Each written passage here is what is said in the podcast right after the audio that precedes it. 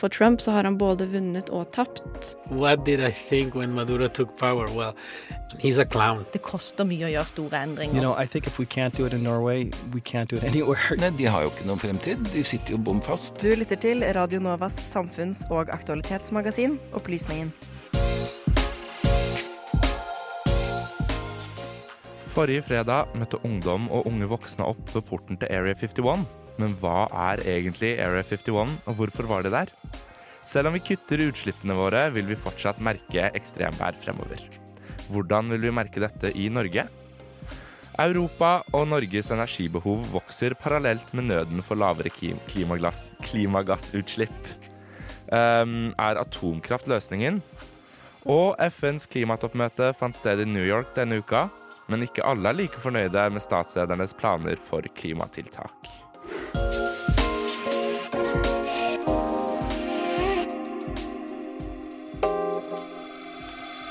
God morgen, god morgen, god morgen. Klokka den har akkurat bikket ti denne regnfulle fredagen 27. september. Og det er Opplysningen 99,3 du lytter til på Radio Nova.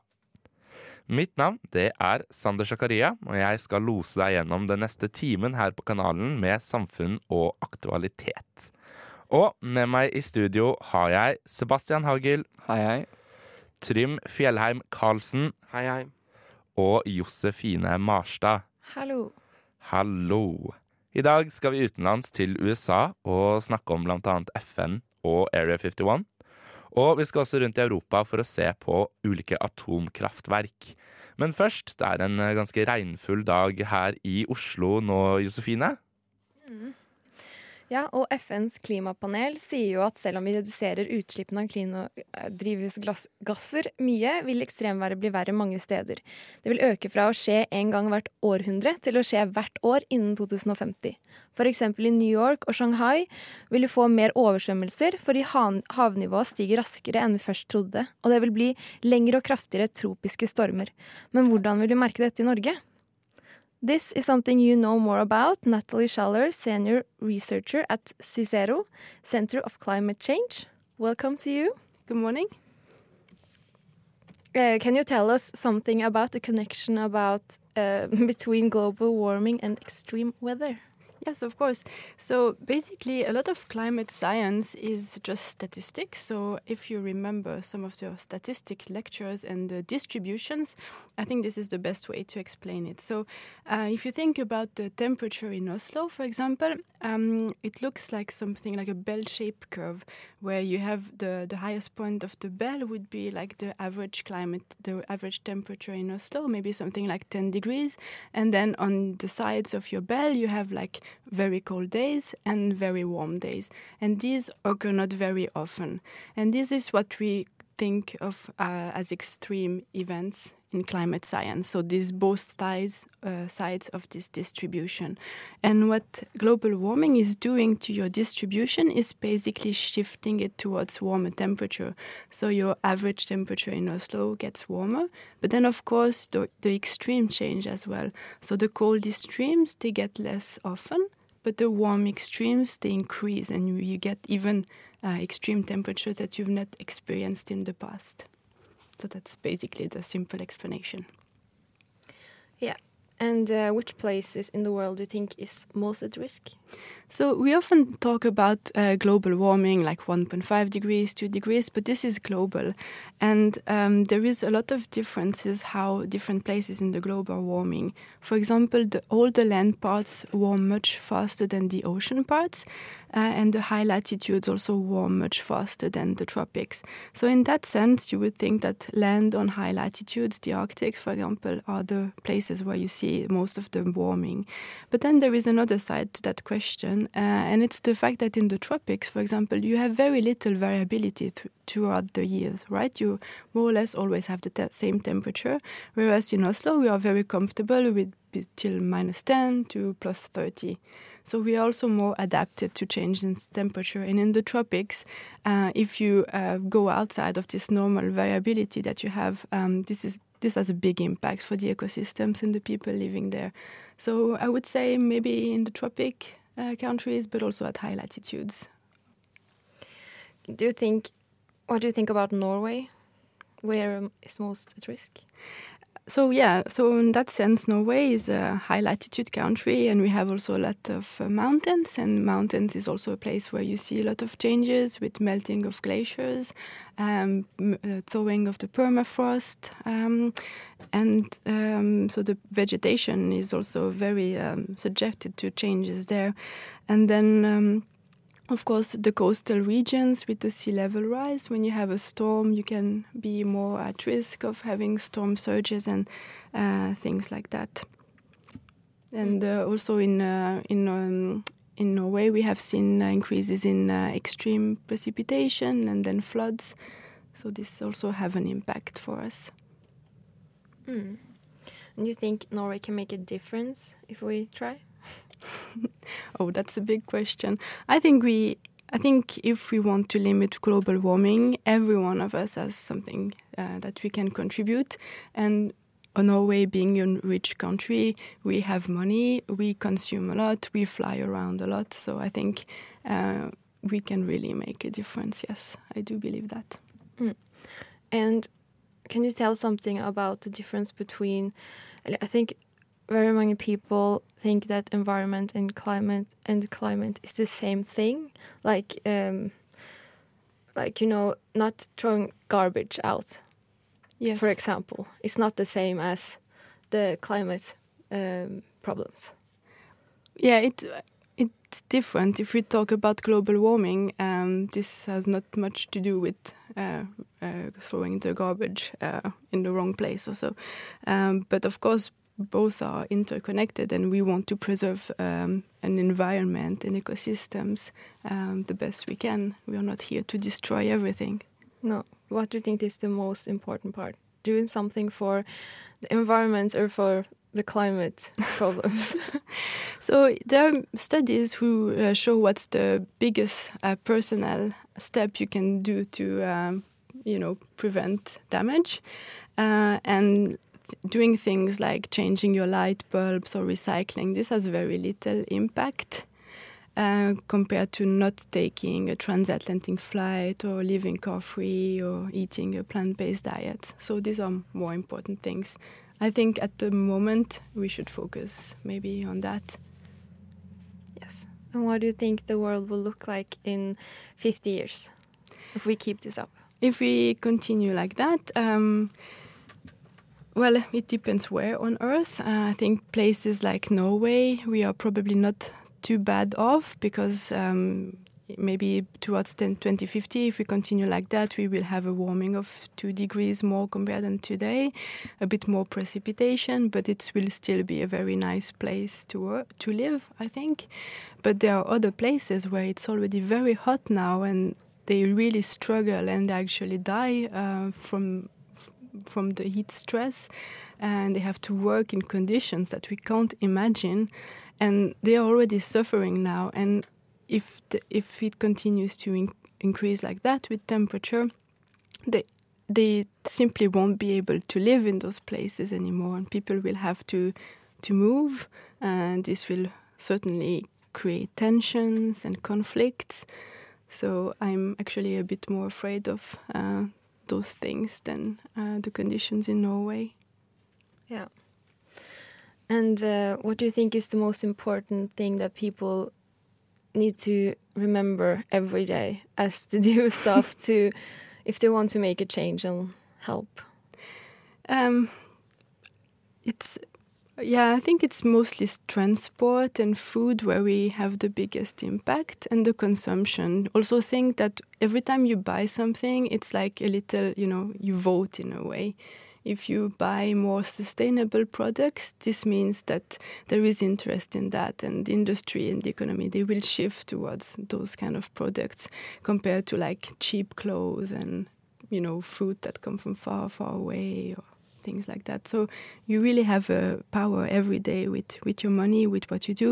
Of course, voting uh, when there are elections. This is very important if you want to engage in your community, uh, talk about climate change with your friends um, and family. Uh, that's also things you can do. Thank you for coming, Natalie Schaller from Cicero. Thank you.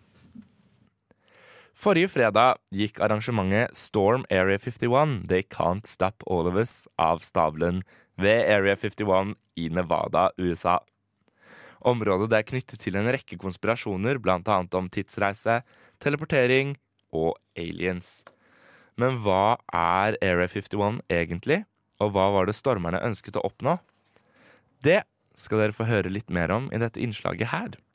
Og dette innslaget det er laget av Nora Amanda Næss Holm og meg sjæl, Sander Georg Lia Zakaria.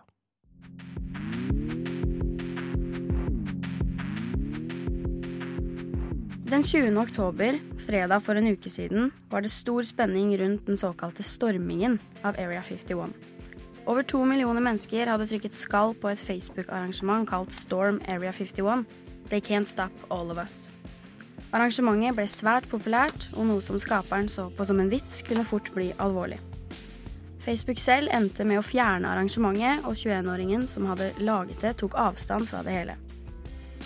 Så Hvorfor er det så mange som trykket skall på dette? Og hvorfor vil folk storme en militærbase midt i ingenstedsland i Nevada? Kanskje det er fordi folk ikke liker å bli holdt utenfor en hemmelighet? Eller så liker folk tanken på at kanskje, bare kanskje, så er ryktene sanne. Og det finnes virkelig romvesener i den amerikanske ørkenen. Til tross for avlysningen av arrangementet var det fortsatt spenning rundt basen 20.9. BBC melder om kun et titalls oppmøtte, mens CNN hevder at tallene lå rundt 200.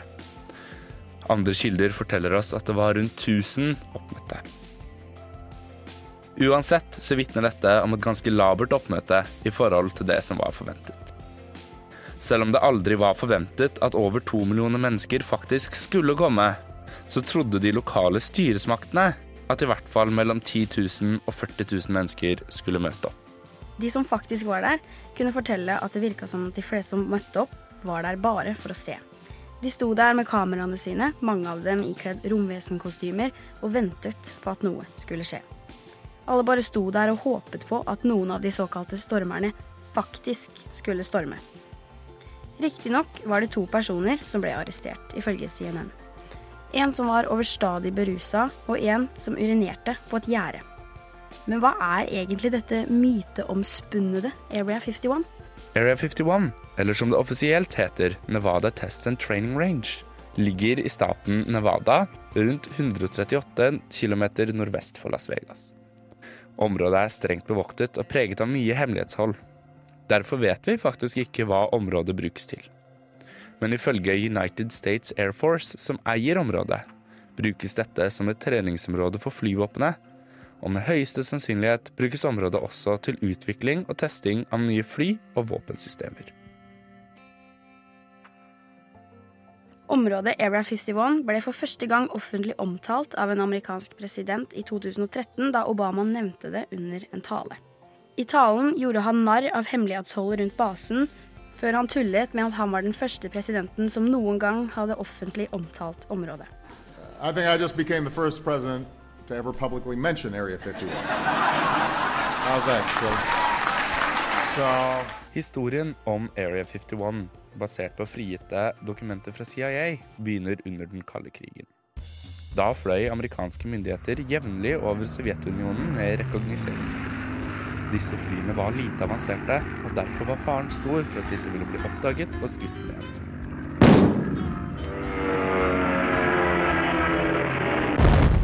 President Eisenhower godkjente i 1954 Project Aquatone. Hovedmålet med dette prosjektet var å utvikle et fly som ikke kunne bli oppdaget på radar. Arbeidet med dette flyet ble satt til test- og treningsområdet i Nevada, Area 51. Og allerede året etter ble de første prøveflygningene med dette flyet utført. Samtidig begynte menneskene i området å se ukjente objekter som fløy over himmelen, og rare lys i horisonten. Testen av flyet skulle være topp hemmelig, og derfor kunne ikke amerikanske myndigheter forklare at det var prøveflygningen lysene kom fra.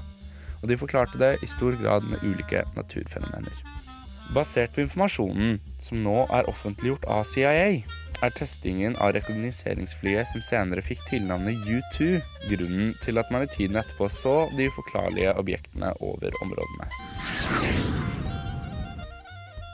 Et annet romvesenrykte som knyttes til Area 51, er hendelsen som omtales som Roosevelt. I 1947 krasjet US Air Force en ballong i Roosevelt i New Mexico.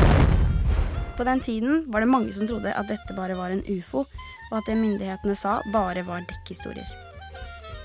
Mange trodde, og tror fortsatt, at den krasjede ufoen ble oppbevart i nettopp Area 51.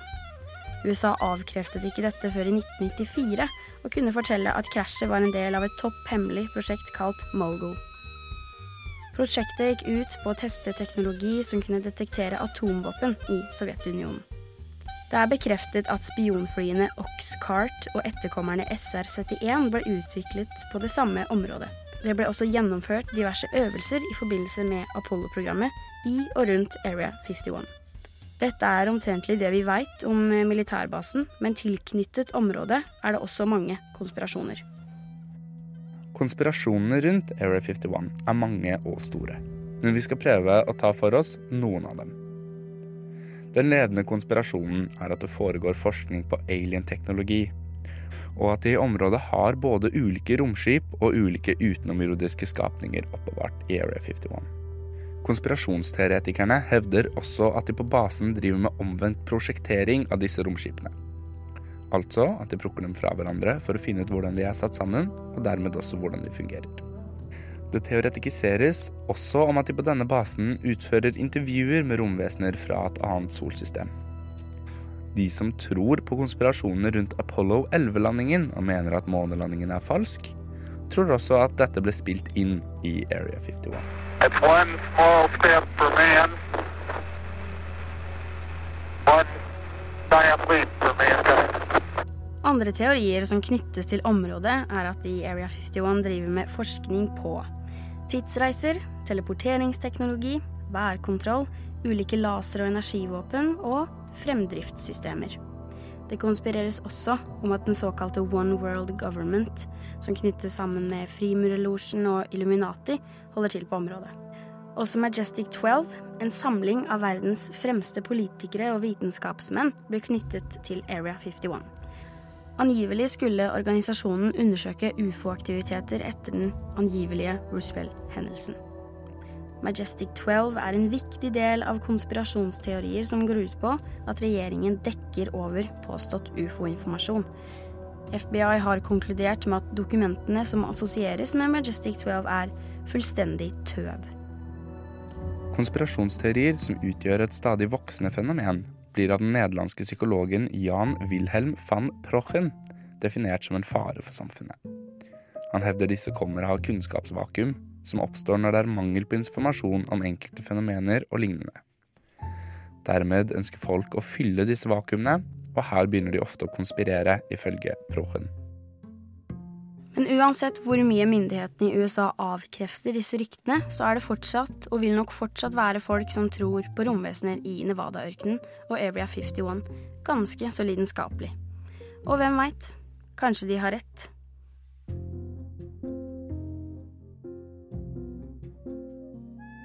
As much as it's been 20 years since apartheid, like blacks have been freed, not much is, like, has changed. Så her er det jo helt klart at regjeringen ikke leverer faktisk på at Norge skal bli det beste landet i verden for skeive. Chavez is the guy who finally could destroy Venezuela. Opplysningen hver fredag mellom klokken 10 og 11 på Radio Nova. Nå. Kan atomkraft være måten Norge og Europa produserer strøm på stor skala etter de fossile brenslenes tidsalder? Eller er det enda mindre ønskelig å bo ved siden av thoriumbasert kraftverk enn det er med vindmøller og bomring? Dette korte innslaget tar for seg noen av mulighetene og utfordringene med atomkraft i Norge og Europa. Innslaget er laget av meg, Sebastian Hagel. Greta Thunberg er denne uken i New York og setter verdens ledere på plass vedrørende deres manglende handling hva angår klimaforandringene. I den sammenheng er det verdt å minnes at det å forsyne Europas befolkning med strøm er de europeiske statenes mest drivhusgassintensive aktivitet. Dette sto nemlig for så mye som en fjerdedel av utslipp i verdensdelen vår, informerer det europeiske miljøbyrået. Det er ikke alle land som er så heldige som vi her i Norge, som kan forsynes ved hjelp av fornybare kilder, slik som vannkraft. Land som Tyskland og Polen, for å nevne noen, brenner fremdeles kull. Dersom vi ønsker å gjennomføre et grønt skifte i Europa, er det absolutt en god idé å vurdere måten vi produserer energi på. Men hva er så alternativene vi har for energiproduksjon? Vindkraft og solenergi er energikilder som absolutt burde vurderes, men har de samme potens som oljen og kullet. Det er også energikilder som krever visse forhold for å være kost- og miljøeffektive. Fossilt brensel gjør jobben sin under alle forhold, hvor som helst. En måte å produsere strøm på som i den forstand minner om den fossile måten å produsere strøm på, uten utslippene, er atomkraften. Historien om atomkraften starter på 50-tallet. Amerikanske og sovjetiske vitenskapsmenn vurderte begge å ta i bruk kjernefysikkens destruktive kraft for å produsere store mengder varme og elektrisitet. President Eisenhower foreslo bl.a. Atoms for Peace-kampanjen, som da skulle adressere uroen omkring atomets destruktive kraft, noe det amerikanske folk hadde vært vitne til ved Hiroshima og Nagasaki, og ved en rekke prøvesprengninger i etterkrigene. Utviklingen av atomkraften har ubestridt vært parallell med utviklingen av atomvåpenteknologien. Denne negative assosiasjonen er muligens blant grunnene til at atomkraft ikke er like utbredt internasjonalt som 50-tallets makthavere, slik som Eisenhower, kanskje så for seg. Enda viktigere i den forstand er en godt kjent ulykke som skjedde for over 50 år siden. Tsjernobyl i Nord-Ukraina, i den tidligere Sovjetunionen, var gjenstand for en kjernefysisk nedsmeltning, hvor 30 mennesker døde direkte av ulykken, og flere tusen ble utsatt for stråling, som kan lede til økt sjanse for kroniske sykdommer og i ytterste konsekvens død. Et mer nært eksempel er den sammensatte katastrofen som skjedde i Japan for åtte år siden, da øygruppa ble utsatt for et jordskjelv og en påfølgende tsunami. Tsunamien slo Fukushima Daiichi-anlegget, et atomkraftverk, ut av spill. Nødnedkjølingen av anlegget gikk ikke ønskelig. Hydrogen ble dannet og ledet til små eksplosjoner i reaktorkjernen, som igjen forårsaket lekkasjer av radioaktivt avfall. Ingen mistet livet i ulykken, men et potensial for katastrofe var der. BBC kunne melde om protester i Tyskland etter Fukushima-ulykken om å få fortgang i prosessen om å fase ut landets atomkraftverk. Tyskland skal nå ha faset ut all sin atomkraft innen 2022. Det er da ifølge miljøminister i 2011, som var Norbert Rotken. I Finland, på Olkiluotoøya, har de nå bygd verdens første permanente lager for atomavfall. Øya er også gjenstand for landets nyeste atomkraftverk, som skal være ferdig i 2020. Har 58 reaktorer, og 75% av strømmen i landet kommer fra atomkraft. Frankrike ser for seg en reduksjon av dette til 50% Det er EDF, Electricite de France, som driver de franske reaktorene, og interessant nok driver de også atomkraften i Storbritannia. Det er primært disse to nasjonene som aktivt bedriver atomkraft i Europa. Det er tvilsomt om det er nød for atomreaktorer i Norge i fremtiden. Gitt våre betydelige vannkraftressurser er det rimelig å anta at vi ikke kommer til å trenge å produsere atomkraft for å forsyne oss selv. På den andre side må man leve av noe etter oljen, kan man jo si. Frankrike tjener angivelig, ifølge Verdens atomkraftorganisasjon, 3 milliarder euro årlig på strømeksport. De eksporterer rundt 40 TWh årlig, mens Norge eksporterte for rundt 18 TWh i 2018. Når man snakker om atomkraft og Norge, ser enkelte til thorium. Stoffet ble oppdaget i Norge i 1829. Thorium er oppkalt etter den norrøne guden Thor, og i Norge har vi et substansielt felt i Telemark. Thoriumet i feltet inneholder større potensial for energi enn alle olje- og gassressursene i Nordsjøen, ifølge Teknisk Ukeblad. De meldte i 2016 at vi kunne se thoriumreaktorer i Norge allerede fra 2018. Thorium ble 20.9.2019 stemt frem som Norges nasjonale grunnstoff etter at det vant en avstemning hvor det slo prominente grunnstoffer som silisium og aluminium. Fremtidens energibehov er i stor grad nødt til å bli dekket av kjernekraft, som med stor fordel bør kjøres på thorium. Dette har potensial til å være mer driftssikkert og gi mindre radioaktivt avfall enn uran, sa Rolf Vogt, professor ved Kjemisk institutt på Universitetet i Oslo, til titan.uio.no. Foreløpig venter vi enda i spenning på hva thorium kan bety for energifremtiden her i Norge og i Europa.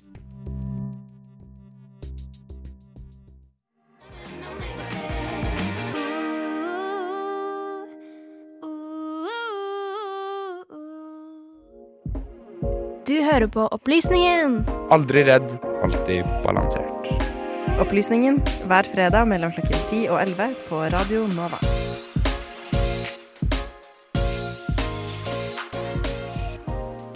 Og før det fikk du Himla med låta Gidd ikke. Denne uka var verdensledere samlet på klimatoppmøtet i New York. Agendaen for møtet var hvilke tiltak statsledere skal iverk iverksette for å forhindre at den globale temperaturen øker med 1,5 grader. På møtet var også den svenske miljøaktivisten Greta Thunberg. Hun var ikke nådig i sin kritikk av verdenslederne. Og dette får du høre mer om i dette innslaget av Mathilde Ishalsen. How dare you! You have stolen my dreams and my childhood with your empty words. We are in the beginning of a mass extinction, and all you can talk about is money and fairy tales of eternal economic growth. How dare you!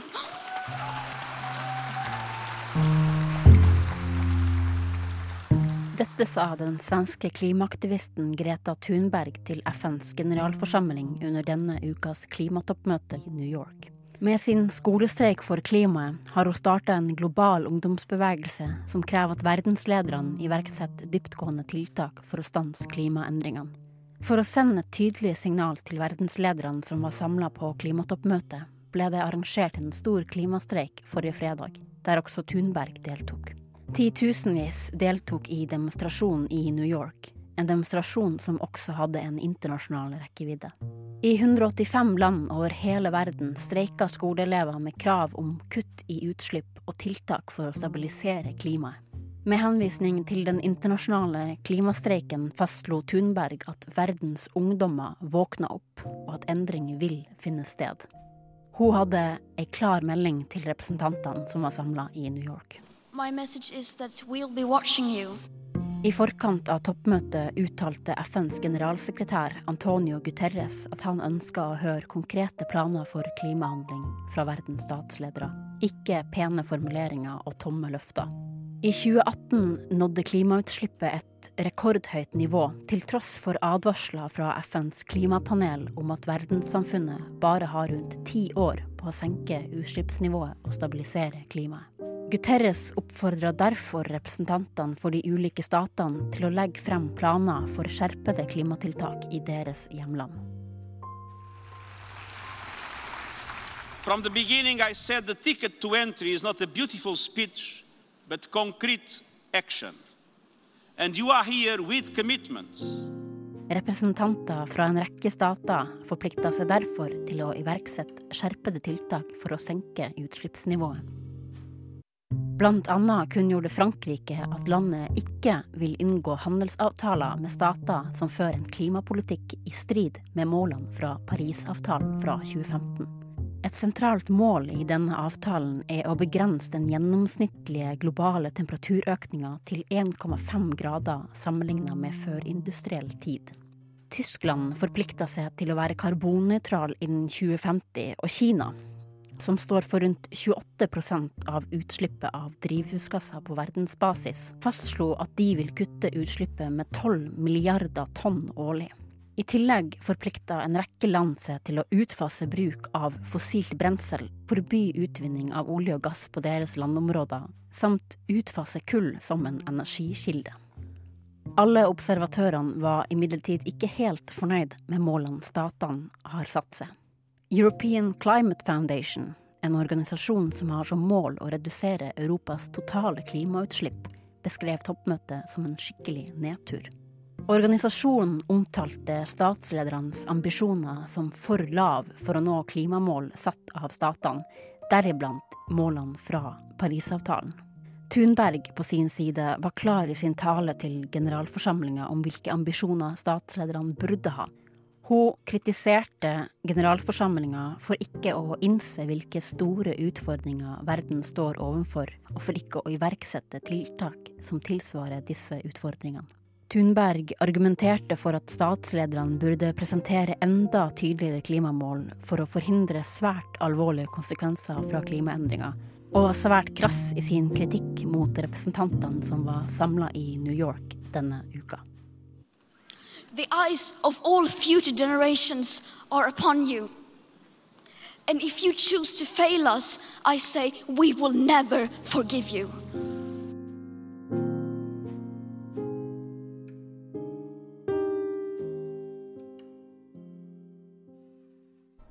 Likevel så øker bruken av straff. Det døde tre stykker uken etter at de hadde kommet inn der. Så det er ikke bare Donald Trump på en måte som er den ekstreme, rare skru skrullingen? Opplysningen hver fredag mellom klokken 10 og 11 på Radio Nova.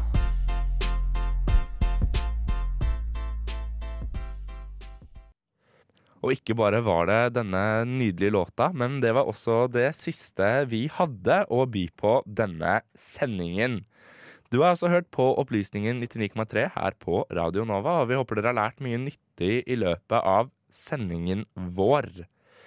Medvirkende til denne ukens sending det var Josefine Marstad, Amanda Næss Holm, Sebastian Hagel og Mathilde Israelsen.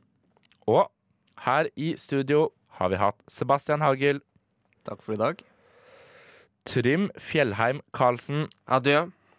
Og Josefine Marstad. God helg. God helg. Tusen takk for at du har hørt på Opplysningen denne uka. Men eh, ikke forlat kanalen, gjerne bli her litt til. For etter oss kommer Studentnyhetene. De skal annet snakke om brexit, hundesykdommen, verdens beste nyheter og saluttkurs. Så det høres ut som de har en spennende godt pose for oss denne sendingen. Følg gjerne oss i Opplysningen både på Instagram og Facebook. Og last ned podkasten der du ellers finner podkaster. Adjø.